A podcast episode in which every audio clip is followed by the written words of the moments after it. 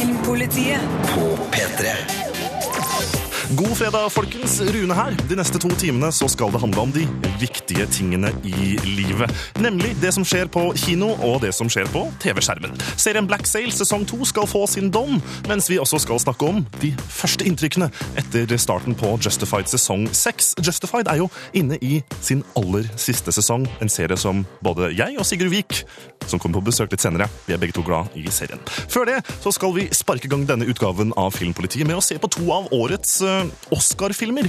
Den russiske Leviathan er en stor favoritt før utdelingen den 22. februar. Filmen vant Golden Globe-prisen for beste utenlandske film for noen uker siden. Clint Eastwood har på sin side regissert American Sniper, filmen om USAs dødeligste skarpskyter Chris Kyle, som var aktiv under den siste Irak-krigen. Birger Vestmo gir deg sin dom. Filmpolitiet anmelder film. Let me ask you a question, Chris. Would you be surprised if I told you that the Navy has credited you with over 160 kills? I en alder av 84 år kan Clint Eastwood fremdeles regissere film med forbausende vitalitet. American Sniper er full av hektisk krigføring med et godt spenningsnivå. Filmens budskap er likevel ganske ordinært. Krig er fæle greier som gjør noe med folk. Noen vil kanskje reagere på filmens enkle, flaggviftende patriotisme, men her vedder jeg på at Eastwood er tro mot figurene og miljøet som skildres. Heldigvis spiller Bradley Cooper avmålt og beherska i hovedrollen, som er med på å sikre filmens kvalitetsnivå. Do you ever think that you might have seen things or done some things over there that you wish you hadn't? Oh, that's not me, no. Det her er basert på den sanne historien om Chris Kyle, som i 2001 verva seg til den amerikanske hæren for å kjempe for sitt land. I filmen ser vi hvordan han blir snikskytter i Irak, der jobben er å beskytte marinesoldater fra fienden i farlige gater. Samtidig har han en familie hjemme i Texas, der kona Thea, spilt av Sienna Miller, merker at Chris blir stadig mer distansert hver gang han kommer hjem. So what are you in Germany or? I'm stateside. You're home? I guess I just needed a minute. Historien spenner over flere perioder, men prøver likevel å ha noen røde tråder, som jakten på den berykta motstandslederen som går under navnet Slakteren, og tvekampen med den syriske snikskytteren Mustafa. Det fører til noen intense situasjoner, med slakterens bruk av drill mot et barn som grotesk og vondt høydepunkt, skråstrek bunnivå. Tvekamp mellom snikskyttere ble kanskje gjort bedre og mer spennende i Enemy at the Gate. Her får vi vite så lite om Mustafa at han blir for anonym. Absolutt hele historien er fortalt fra Chris Kyles synspunkt. Fienden er kanonføde som får som fortjent. I'm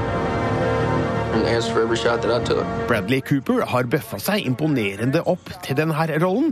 Chris Kyle fremstilles som en enkel, velmenende tøffing fra Texas som tror på ideen om å kjempe for landet sitt, uten å reflektere særlig mye over hva det egentlig betyr.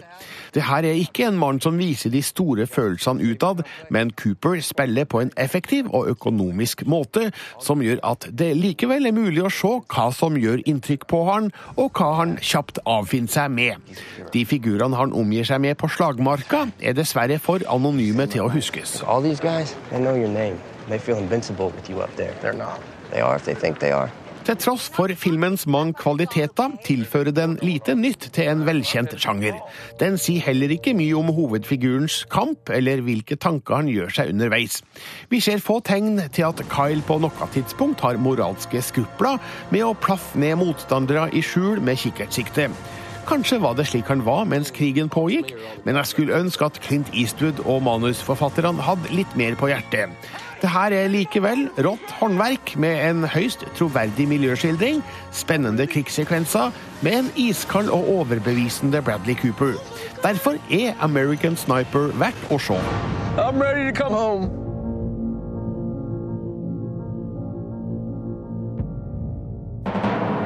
Terningkast fire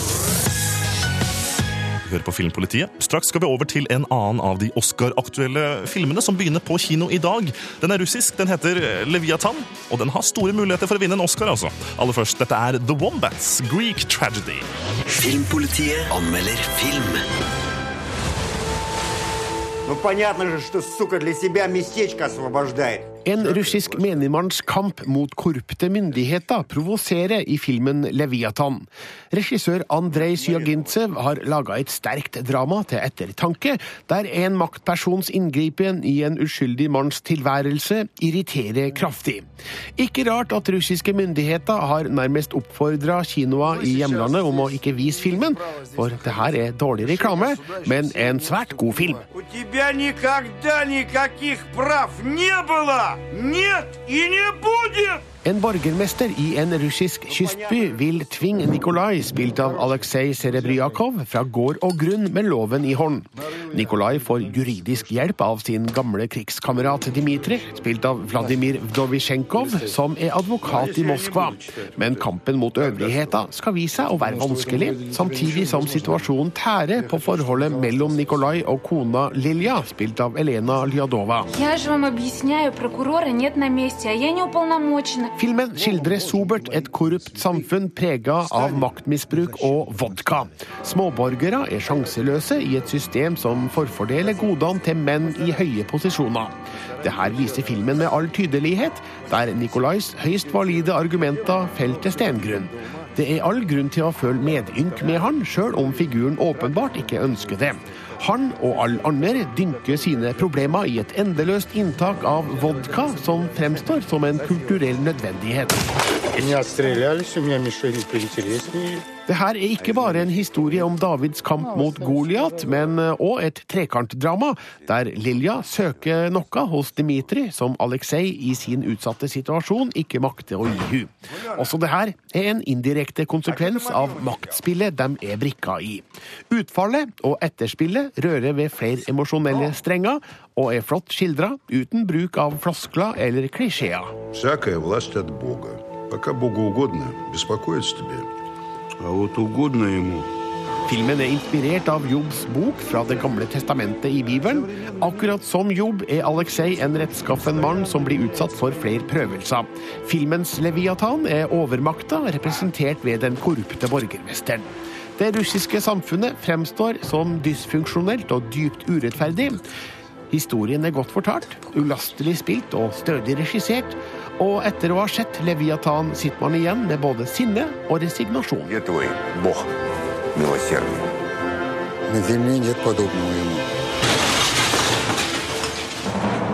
Terningkast fem. Du hørte Birger Vestmo som ga sin dom over den russiske Oscar-kandidaten Leviathan, som begynner på norske kinoer i dag over hele landet. Birger syns dette er et sterkt drama om korrupsjon og maktmisbruk som etterlater publikum med både sinne og resignasjon. Hvis du har sett filmen, har lyst til å si din mening, gå inn på p3.no filmpolitiet. Filmpolitiet, hvor vi straks skal over, ikke til film, nei, men til TV-skjermen. Det skal handle om serier. For Black Sail sesong to, den serien går på Stars i USA, begynner på HBO Nordic her i Norge på søndag. Og dommen over serien ja, den får du om bare noen få minutter av Sigurd Vik. Filmpolitiet anmelder TV-serie. Shoot this one. I'll get to the pistol. This one has more scars, more fights. You've got a better chance against this one. Not if he shoots me first. You can beat him to it. Do it. Quickly. So I actually have to fight him? Well, what the fuck did you think was gonna happen?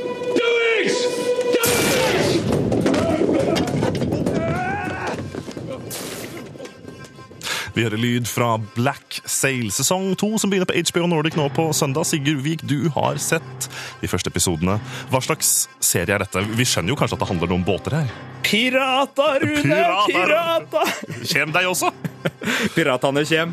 Nei, det her er piratserie fra lagt til, til starten av 1700-tallet. In the golden age of piracy. Eh, blande inn litt sånn historiske skikkelser. Vi hører nyss om eh, Blackbeard og andre eh, sånne kjente. Og så De er kjente det, navnene som man har lest og om så og er det om, og- Captain Flint vi følger, da. Captain Flint som er på jakt etter en diger spansk gullskatt i Karibien. Og han er jo veldig gira på å finne denne gullskatten, men det er jo selvfølgelig vanskelig å være pirat, Rune. Du må liksom drive litt politikk med mannskapet, prøve å unngå mytteri, og så må du jo få solgt lasten din, og så er det jo folk som skal selge lasten din, så det blir litt Ja. Det jeg lurer på da, er jo at piratfilmer handler jo ofte om action, ikke sant? Når du putter det ut i serieformat og skal strekke ut historien, blir det mye drama? Det blir jo én sånn storslagsmål per episode, da. Det er jo det greieste måten å gjøre det på, men ja. det blir mest drama innimellom. Altså, eh, Black Sails prøver å være litt av alt. Altså, den prøver å være den litt sånn historiske dramaet som skal fortelle om Captain Flints kamp. Og, og for de som nå syns Captain Flint høres kjent ut, ja, det her er en slags prequel til den fantastiske boka eh, 'Skatten på sjørøverøya', hvor det er nettopp Captain Flints nedgravde skatt man eh, jakter på som en sånn gammel barnebok. Men, men altså, det, det er klart det er mye byråkrati, og det er mye sånn der den prøver å bli. Samtidig så vil den være Pirates of the Caribbean. Den vil ha eh, litt jålete pirater, fest og moro litt slapstick-humor og masse eh, skal vi si, naken hud. Så det, den, den prøver å, å være Obligatorisk naken hud, kan vi si da. Obligatorisk naken pirathud. Men altså, den forsøker på mye. Hva er det som fungerer, da?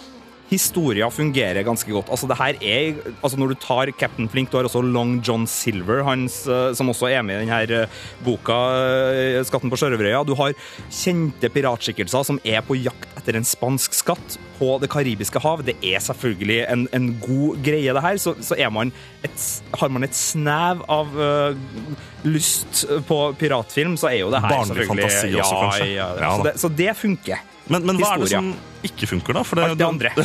Alt det andre. Nei, ja, okay. Altså, den, ærlig sak. ærlig sak. Den serien her går ut i parat, piratspagaten. Altså, den prøver å være alt som sagt fra historisk drama til superartig piratfilm, og det blir for mye. Altså, den klarer ikke det. Og det er liksom øh, Du går fra en øh, sånn tur tilbake i London hvor den her Captain Flint, du følger hans bakgrunn og hans vei fra liksom britisk offiser til kapteinpirat, og så plutselig så har du fem minutter med en oppjåla kar som prøver å få pult. Altså, øh, og For å. Altså, si det er- uten filter, Ja, ja. det er bare masse, masse rart der. Og så er figurene, mange av dem blir uinteressante, og det blir litt sånn tynt, rett og slett. Black Sails, nå altså ut med sesong to på søndag på HBO Nordic, forsøker på mye, får til bitte litt, men ikke alt. Dommen er Terningkast Og hvis du går inn på p3.no filmpolitiet i helga, så kan du også si din dom når du har sett første episode. Det er nå over til den kanskje ikke fullt så trivelig, litt mer gritty, mørk. Ja, litt sånn skumle folk i USA. Krim, hva sier du? Hillbillies-vik? Er det ikke det det handler om i Justified. Filmpolitiet anmelder TV-serie. I'm sorry, did you see a creek out in the lobby? Some pretty green trees and cut off mountains. You think we're in the holler? I am a deputy U.S. Marshal, Boyd. Givens, Ryland. And you think I'm going to hand a man over to you to be murdered like he is what? Some pig I borrowed from you? You gave me your word. I got half a mind to kick. Tøffe tak, vi Vik, i Justified? Han slår den rett ned, vet du. Rett ned. bare to never hver, og Pam, pam. pam, pam, gyver løs på hverandre. Serien Justified inne i sesong seks, den siste sesongen, nå ute på TV2 Sumo, eller første episode i hvert fall, denne uka. Hva slags serie er det? Hvordan vil du oppsummere de siste fem sesongene med, med Justified på litt sånn kort vis? Det er på bygda den verste jævelskapen skjer, vet du, Rune Håkonsen. Og bygda i dette tilfellet er Harlan County eh, i Kentucky. Det er litt sånn eh, innenlands uh, hillbillyland, det her. Eh, Vi følger to barndomsvenner som har havna på hver sin side av loven. Raylan Givens, US Marshal med temperament og problemer med å kontrollere det. Med andre Og- ord eh, rettferdighet og lovens lange arm på flere måter, altså. Ja, en kar som liker, For å liksom rettferdiggjøre at han skal skyte deg, så liker han å plage deg så mye at du trekker først, sånn at han kan skyte deg og har lov til det. Mm. En sånn Marshall. Men hvorfor digger vi den serien her, da? Nei, det er nettopp fordi at han slåss stort sett da i en sånn duell dragkamp med sin barndomskompis Boyd Crowder, som er en av de mest replikkvennlige menneskene jeg har sett på TV det siste. Altså, han er eh, litt sånn, han har nazitatuert hillbilly eh, som er glad i sprengstoff og ran banker og, og drikker whisky. Og så eh, har han allikevel et sånn predikantvesen over seg som gjør at han er utrolig veltalende. Og det er liksom den her duellen, dragkampen mellom de her barndomsvennene som har endt opp på hver sin side av loven, som er premisset for alle sesongene i, i Justified. Og som eh, nå, når sesong seks, eh, som er siste sesongen, begynner å dra seg til, virkelig steppes opp. da. Det som er interessant, synes jeg, er dette en kontrollert avslutning på en serie? For det er ofte så ser vi serier som blir kansellert, og så blir det pang, slutt. Ser vi her da tegnene i første episode av sesong seks til, til en kontrollert landing? Nei. Nei, Nei. overhodet Vi ser en eskalering. En eskalering. Ja, en kraftig eskalering. Og det er fremdeles humor, og ganske svart humor i serien her, og den er fremdeles litt sånn lun på et skrudd vis. Men nå begynner blodet å flyte raskere, og temperamentet begynner å gå opp i rødsonen og, og boble over, både for dem som er på uh, feilsida av loven, og dem som skal prøve å håndheve den, og også en del av de mer sånn bikarakterene som har vært litt sånn her soft, litt sånn gode folk å ha, de begynner også å bli litt eh, misantropisk nå, så det, det ser ut til at det, det kan til- bli ganske mørkt på slutten av Justified. Vi skal ikke anmelde sesong seks nå. Du har bare sett første episode. Hva slags forventninger gir den til, til resten av sesongen? Nei, det er jo det at uh, der folk har hatt sine venner uh, i de sesongene tidligere, også på, på øh, den kriminelle stigen, så er uh, paranoiaen ganske høy nå. Så det, man, man skyter sine venner bare for å være sikker. Så Boyd Crowder er på vei ned en sti som kan bli ganske kronglete med en del tornekratt og skrubbsår, men vi får se. Han har jo en enorm evne til å lande på føttene, den gutten. Du skal med andre ord følge videre på siste sesongen av Justified, som begynte denne uka altså på TV2 Sumo. Og når eh, sesongen er ferdig, så er det bare å vende tilbake til Filmpolitiet eh, på nettsidene våre, for da blir det en litt sånn, skal vi si, en, en oppsummering, en, en, en, takketale, en begravelsestale. Ja, altså Justified har vært kjæresten min i, i fem-seks år nå, føler jeg. Så, jeg, Så du har- du har mye du skal si. Ja, vi er nødt til å, å ta en siste date som er, som er real. Sesong 6 altså i gang på TV2 Sumo nå, anbefales av Sigurd Vik.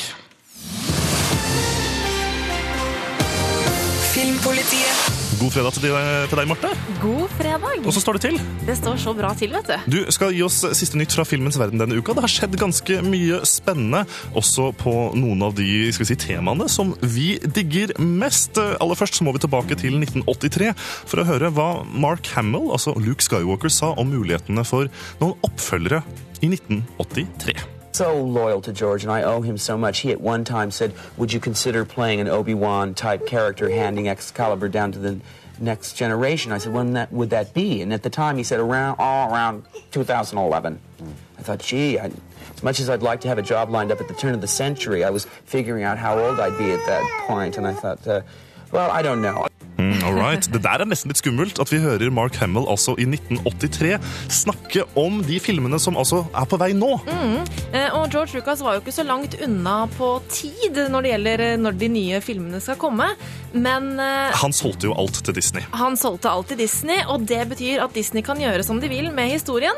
Sånn at nå er det klart at de ideene George Lucas hadde for Star Wars, de er rett og slett skrinlagt. Ja, altså De ideene George Lucas hadde for 7, 8 og, Yes. Og 9, Mm. de har Disney lagt vekk. Det fortalte George Lucas eh, i forbindelse med premieren på sin siste animasjonsfilm eh, nå. Ja, han eh, snakket med Cinema Blend, hvor han sier de bestemte seg for å ikke gå videre med mine ideer, fortalte George Lucas. Um, og altså det er jo, det her er interessant. Hva, hva syns vi om det? Syns vi det er greit, eller syns vi det er synd? Altså På en side så blir det jo mindre trade negotiations, da. Ja. Eh, Så det er jo greit. Men, men det interessante er jo at eh, Michael Arndt, som først var inne på manussida, han slutta jo eh, høsten 2013, og i stedet fikk de inn Lawrence Caston, som har vært med å jobbe med Star Wars før. Ja. Det kan jo markere et skille der, da. Ja. At de valgte å skrinlegge George Lucas sine planer og jobbe videre med JJ Abrams.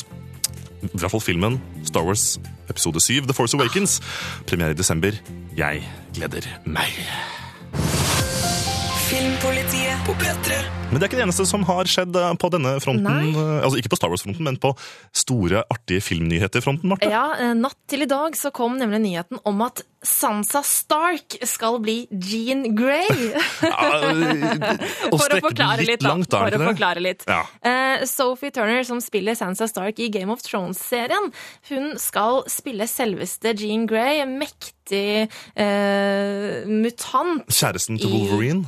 Ja, eller e egentlig til Cyclops, da, men det er jo litt sånn trekantet Ja, det er dramaprogram der. jeg skal ikke spoile for mye her Eh, nå. Men eh, hun skal spille da Jean Grey i den neste X-Men-filmen, eh, X-Men Apocalypse. Så, som den unge Jean Grey, da. Som den unge Jean Grey, for eh, regissør Brian eh, Singer han har jo revitalisert denne X-Men-franchisen ved å bringe tilbake Altså ta oss med tilbake til fortida, rett og slett. Så der vi møter Days of Future de, Past het jo siste film. Så. Ja, der vi møter de unge mutantene. Uh, og da er det da Det var jo tidligere Famke Jansen som spilte Grey i, i de originale filmene, men nå er det altså Sophie Turner. Og det tror jeg blir ganske så spennende. Filmpolitiet på P3. Mm, Altså, det er noen min, som kjenner igjen musikken. Altså, En av mine absolutte favorittserier gjennom tidene kan gjenoppstå! Det kan den. Denne uken så avslørte nemlig TV-selskapet Fox at de ønsker å gjenopplive The X-Files. Jeg, jeg, jeg blir sånn Ja, men er David Duchovny og Gillian Anderson med? Ja, for det var noe, eh, noe sjefene i Fox sa, at de ønsket David Duchovny og Gillian Anderson om bord for at dette skulle bli noe av. Og seinere denne uka så kom også da eh, David Duchovny sjøl ut og sa at han hadde lyst til å være med. Å, herregud! men det er et men her. Eh, Det var da i et intervju med USA Today der Duchovny sier at han vil veldig gjerne være med, men at han ikke er interessert i å bli med på en full sesong Mm. av serien. Han sier uh, It will be in some kind of limited form. We're all old. We don't have the energy for a full season. Men altså, uansett, mer X-Files? Ja. Det heier vi på. Takk. Takk til deg, Marte. Takk til deg. Filmpolitiet på P3. Klokka har akkurat passert tolv her på NRK P3. Du hører Lawrence og Duvici i bakgrunnen. Låta heter Houston. Og om noen få minutter, sånn ca. 6-7 minutter, så skal vi tilbake til ukas aktuelle premierefilmer for Michael Mann. Veteranen er tilbake med ny film på kino. Det skal handle om hacking. Datakriminalitet. Hm. Og ja, Chris Hemsworth er i hovedrollen på Black Hat. Dommen får du om 6-7 minutter her på NRK P3. God fredag. Filmpolitiet anmelder film. Some hacker is hitting our financial markets. Four major banks, and that's just what we know about? Nettkriminalitet blir stadig mer aktuelt. Sånn sett er Black Hat rett film til rett tid. Den burde bare ha vært så mye bedre. Regissør Michael Mann er inne på interessante spor, der vi ser hvordan datahacking brukes til grenseløs og verdensomfattende kriminalitet. Men historien går etter hvert over stokk og stein, med Chris Hemsworth som et nærmest parodisk fokus. En kombinasjon av datanerd og uslåelig actionhelt. He's still writing. What for? Et kinesisk atomkraftverk rammes av hacking. Like etter angripes børsen i USA. Kineserne og amerikanerne tvinges motvillig til å samarbeide i etterforskninga. Den kinesiske agenten Chen Dawai, spilt av Li Hong Wang, krever at hackeren Nick Hathaway, spilt av Chris Hemsworth, løslates fra fengsel for å bistå. Den påfølgende etterforskninga viser at angrepene kun var en forsmak. Real hit is still to come. Hackerangrepene i filmens første del visualiseres overdrevent og litt retro-kitsch. Hvor mange hovedkort og kretser trenger vi egentlig å se? Men interessen pirres. Det ligger en del spenning i jakta på hackerne, og hva deres motiver egentlig er. Jeg tror likevel ikke det her er særlig representativt for hvordan datakriminalitet etterforskes på. I den virkelige verden er det nok mye sitting med skjerm og tastatur, og ikke fullt så mye sniking, løping og skyting. Greit nok, det her er en underholdningsfilm, ingen dokumentar, men det slår meg likevel som litt absurd at en gjeng datahackere er like våpenkyndige og kamptrente som John McClain og Rambo.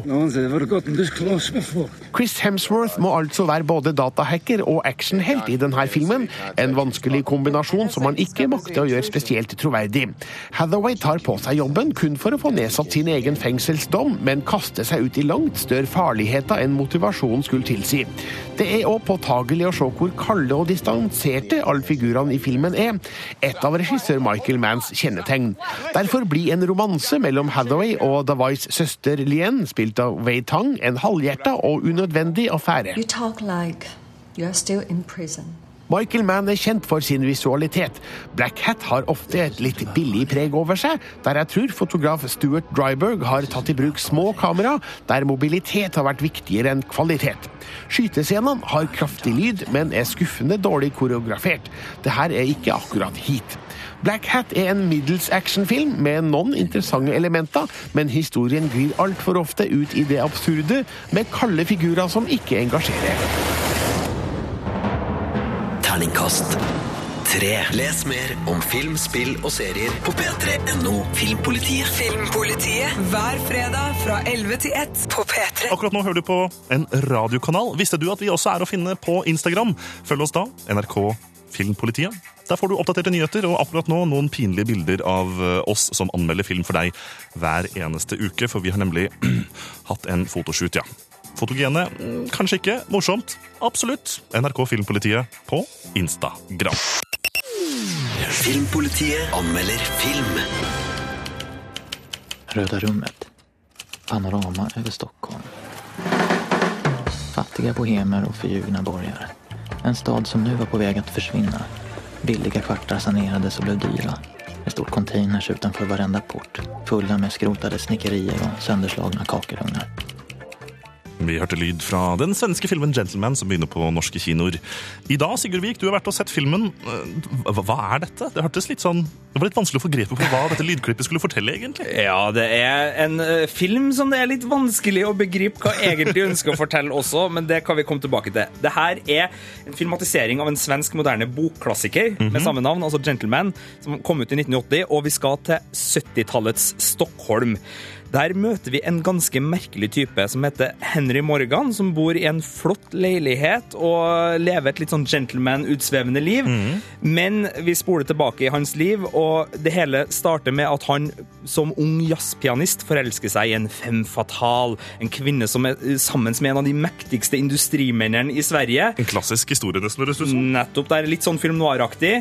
Og denne kjærligheten er jo ikke positiv. Han blir dratt inn i en verden av spionasje, bedrag og til og med mord. Det er gamle nazi, svenske nazihemmeligheter på, på sporet her, så det er sånn her, litt sånn fantastisk historie, litt sånn i Forrest Gump-stil, der han bare liksom Forteller om livet sitt? Forteller om livet sitt gjennom en forfatter han har på besøk i leiligheten sin. Det er ganske mange sånn uh, formessige grep her som ligger innpå hverandre, men det er i hvert fall historien om Henry Morgan og dem han har rundt seg, og den her kampen han har for å finne ut litt hva det var som skjedde uh, med et drap hos en nabo. Han er litt under kjelleren og graver etter en skatt. Blir du forvirra nå, Rune? Ja, ja, for ja, for det er altså- også Ja, for det er ganske masse rart her. Jeg ble sånn, ja, ok, Det er mange interessante elementer her, men, men hvordan er filmen da? Er, er den bra? Altså Den hovedplottgreia der de prøver å finne ut uh, hva han her øh, mystiske industrilederen har gjort for noe kriminelt, den funker og ligger i buen her. Men resten blir uforløst i filmen. Jeg er sikker på at boka klarer å gjøre det kjempebra, i og med at den har den statusen den har, men i filmen så er det formlek og rot og ulike tidsperioder med ulike Instagram-filter. og i det hele tatt- ja, for ja. det slutter å si. Altså, Ulike tidsperioder, er det bra- gjort? Sånn 40-, 50-, 60-, 70-tallet? Ser det pent ut, da? Det er som å se et halvt dusin ulike sjanger-periodefilmer. Altså, plutselig så er det litt sånn Døden på Oslo S. Narkis-problematikk i, i Stockholm. Litt sånn realismefilm. Så er vi plutselig i hippietida, hvor det er litt sånn varme, duse farger. Så hører vi på ABBA og er på golfklubben. Så er det sort-hvitt, og vi er på jazzklubb på 50-tallet, og det er sigarettrøyk og i det hele tatt Det er masse forskjellig. Jeg syns det du sa i stad, virka ganske beskrivende. At det er en film med veldig mange forskjellige Instagram-filter. Det er en film med veldig mange forskjellige Instagram-filter, rett og slett. Og dessverre, fordi det funker ikke som helhet. Det, funker gjør det som ikke, altså. helhet. Men ok, spennende bunnhistorie. Det funker ikke som helhet. Gentleman begynner også på norske kinoer i dag, og dommen, den er Terningkast 3. Gå rett inn på p3.no skråstrek filmpolitiet for å lese mer og se klipp fra filmen hvis du ble litt nysgjerrig likevel. Har du sett filmen, så kan du også gå inn for å si din mening i kommentarfeltet. P3. Her i Filmpolitiet så skal vi straks over til ukas aktuelle Blu-ray og DVD-filmer. Du skal få noen anbefalinger. Den første kommer rett etter Soak. Dette er Be A Nobody. Filmpolitiet anmelder film. Excusez-moi de vous demander ça, mais pour moi c'est important de le voir parce qu'il peut m'aider à pas perdre mon travail, à pas aller au chômage. Brødrene Jean-Pierre og Luc Dardenne har skapt et nydelig stykke belgisk sosialrealisme som går rett inn i et aktuelt tema over hele Europa, nemlig dårlig økonomi og usikre arbeidsplasser. Vi føres gjennom en sober fortelling med glitrende spill av Marion Cotillard. Hun beveger publikum med figurens kampvilje, som til enhver tid trues av motløshet og depresjon. Sandra, spilt av Marion Cotillard, er blitt oppsagt. Under en sykemelding oppdager sjefene nemlig at de klarer seg uten hun. Kollegaene må imidlertid jobbe litt hardere, men er lova en bonus som gulrot til å godta avgjørelsen. Men Sandra greier å få lov til å avholde en avstemning over helga. De her dagene benytter hun til å oppsøke kollegaene én etter én for å spørre om de kan stemme på hun og velge vekk bonusen, så hun beholder jobben. Problemstillinga er enkel, men å forsøke å løse den er alt annet. Darden-brødrene har skapt figurer som vi kjenner igjen. De er hverdagsmennesker med hverdagsproblemer. Det er ikke problematisk å relatere seg til situasjonen. Vi skjønner hvorfor Sandra vil beholde jobben, og vi skjønner at mange av kollegaene vil beholde bonusen. Det er òg interessant å se hvordan solidaritetsfølelsen likevel ikke er helt død, og hvordan noen av kollegaene etter hvert ser saken i et annet lys. Marion Cotillard er filmens soleklare fokus og fyrtårn. Hun spiller dempa og beherska en kvinne som vi forstår har hatt noen problemer som er relatert til oppsigelsen. Det gjør inntrykk å se hun kjempe for jobben, samtidig som mørke skyer henger over hodet hennes. Fabrizio Ronchione spiller òg godt som hennes støttende ektemann, og vi aner en dyp kjærlighet mellom dem. All følelser kommer til overflata uten store utbrudd. Det trengs ikke. Il y en Les autres, c'est parce que je les ai forcés à avoir pitié. Dardenne-brødrene har åpenbart satt seg fore å kommentere samtida og gjør det like enkelt som det er briljant. Denne historien trenger ingen overdreven dramatisering, kompliserte scener eller unødvendige effekter. To dager, en natt er et dypt menneskelig drama om konfliktene som oppstår når samhold og solidaritet kolliderer med samfunnets krav til økonomi og effektivitet. Terningkast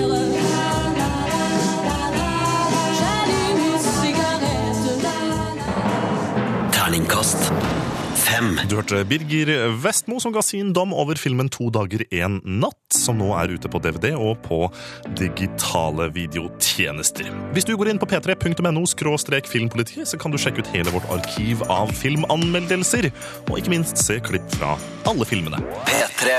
Astrid, du hørte 2AM her i Filmpolitiet, hvor vi nå snakker om ukas aktuelle DVD- og Blu-ray-filmer.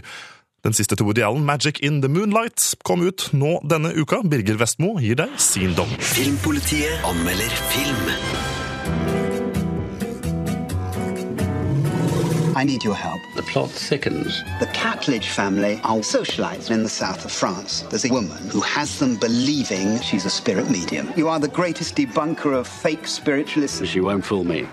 Magic in the Moonlight starter som all andre Woody Allen-filmer, med den samme fonten mot sort bakgrunn, tonesatt av gammel musikk i mono. Men mens hans forrige film, Blue Jasmine, tegna skarpe bilder av menneskers selvbedrag, er Magic in the Moonlight ren kos.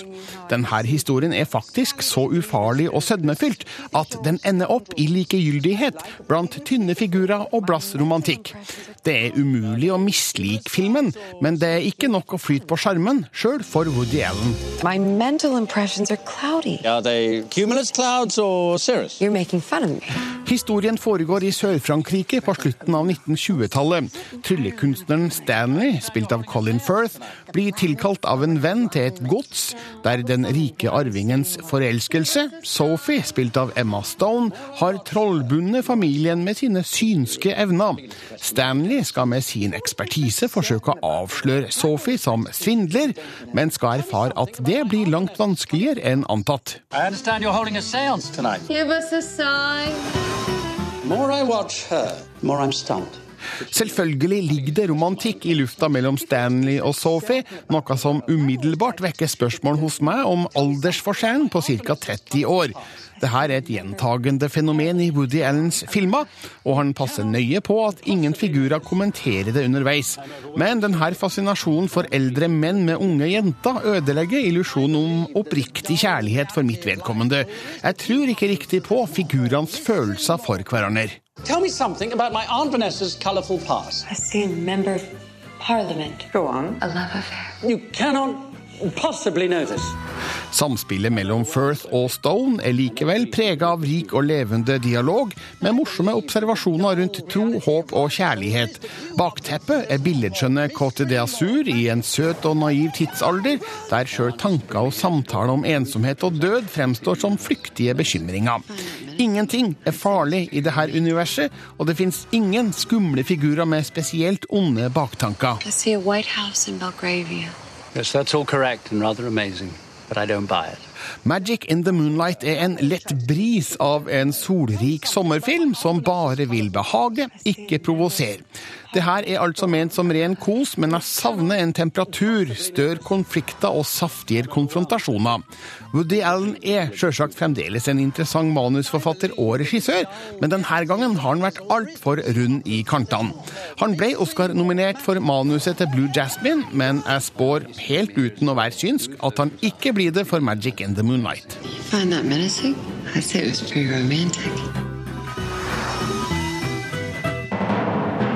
Terningkast tre. Ikke helt fornøyd med ukas aktuelle Blu-ray-film Magic in the Moonlight. Du hørte Birger Vestmo. En anbefaling i stedet er To dager, én natt med Marin Cotillard, også ute denne uka i din lokale videobutikk. P3. Siste låt ut i dagens Filmpolitiet var Alt J med Left Hand Free and Lido Remix. Husk å sjekke ut vår podkast i f.eks. iTunes. Du kan følge oss på Instagram under navnet NRK Filmpolitiet, hvor vi poster ferske oppdateringer gjennom hele uka. Og du kan også se videoklipp fra alle ukens anmeldelser på p3.no. I dagens sending har du hørt dommen over premierefilmene American Sniper, Leviathan, Gentleman og Black Hat. De to første er nominert til en Oscar-pris under årets utdeling. Jeg heter Rune. Takker for følget i dag. Håper du får en awesome helg. Straks er Kristine klar for å avgjøre ukens Urørt-duell mellom Silja Sol og Aiming for en rike. Først ut, P3 Nyheter står klare med siste nytt. God fredag, folkens! P3.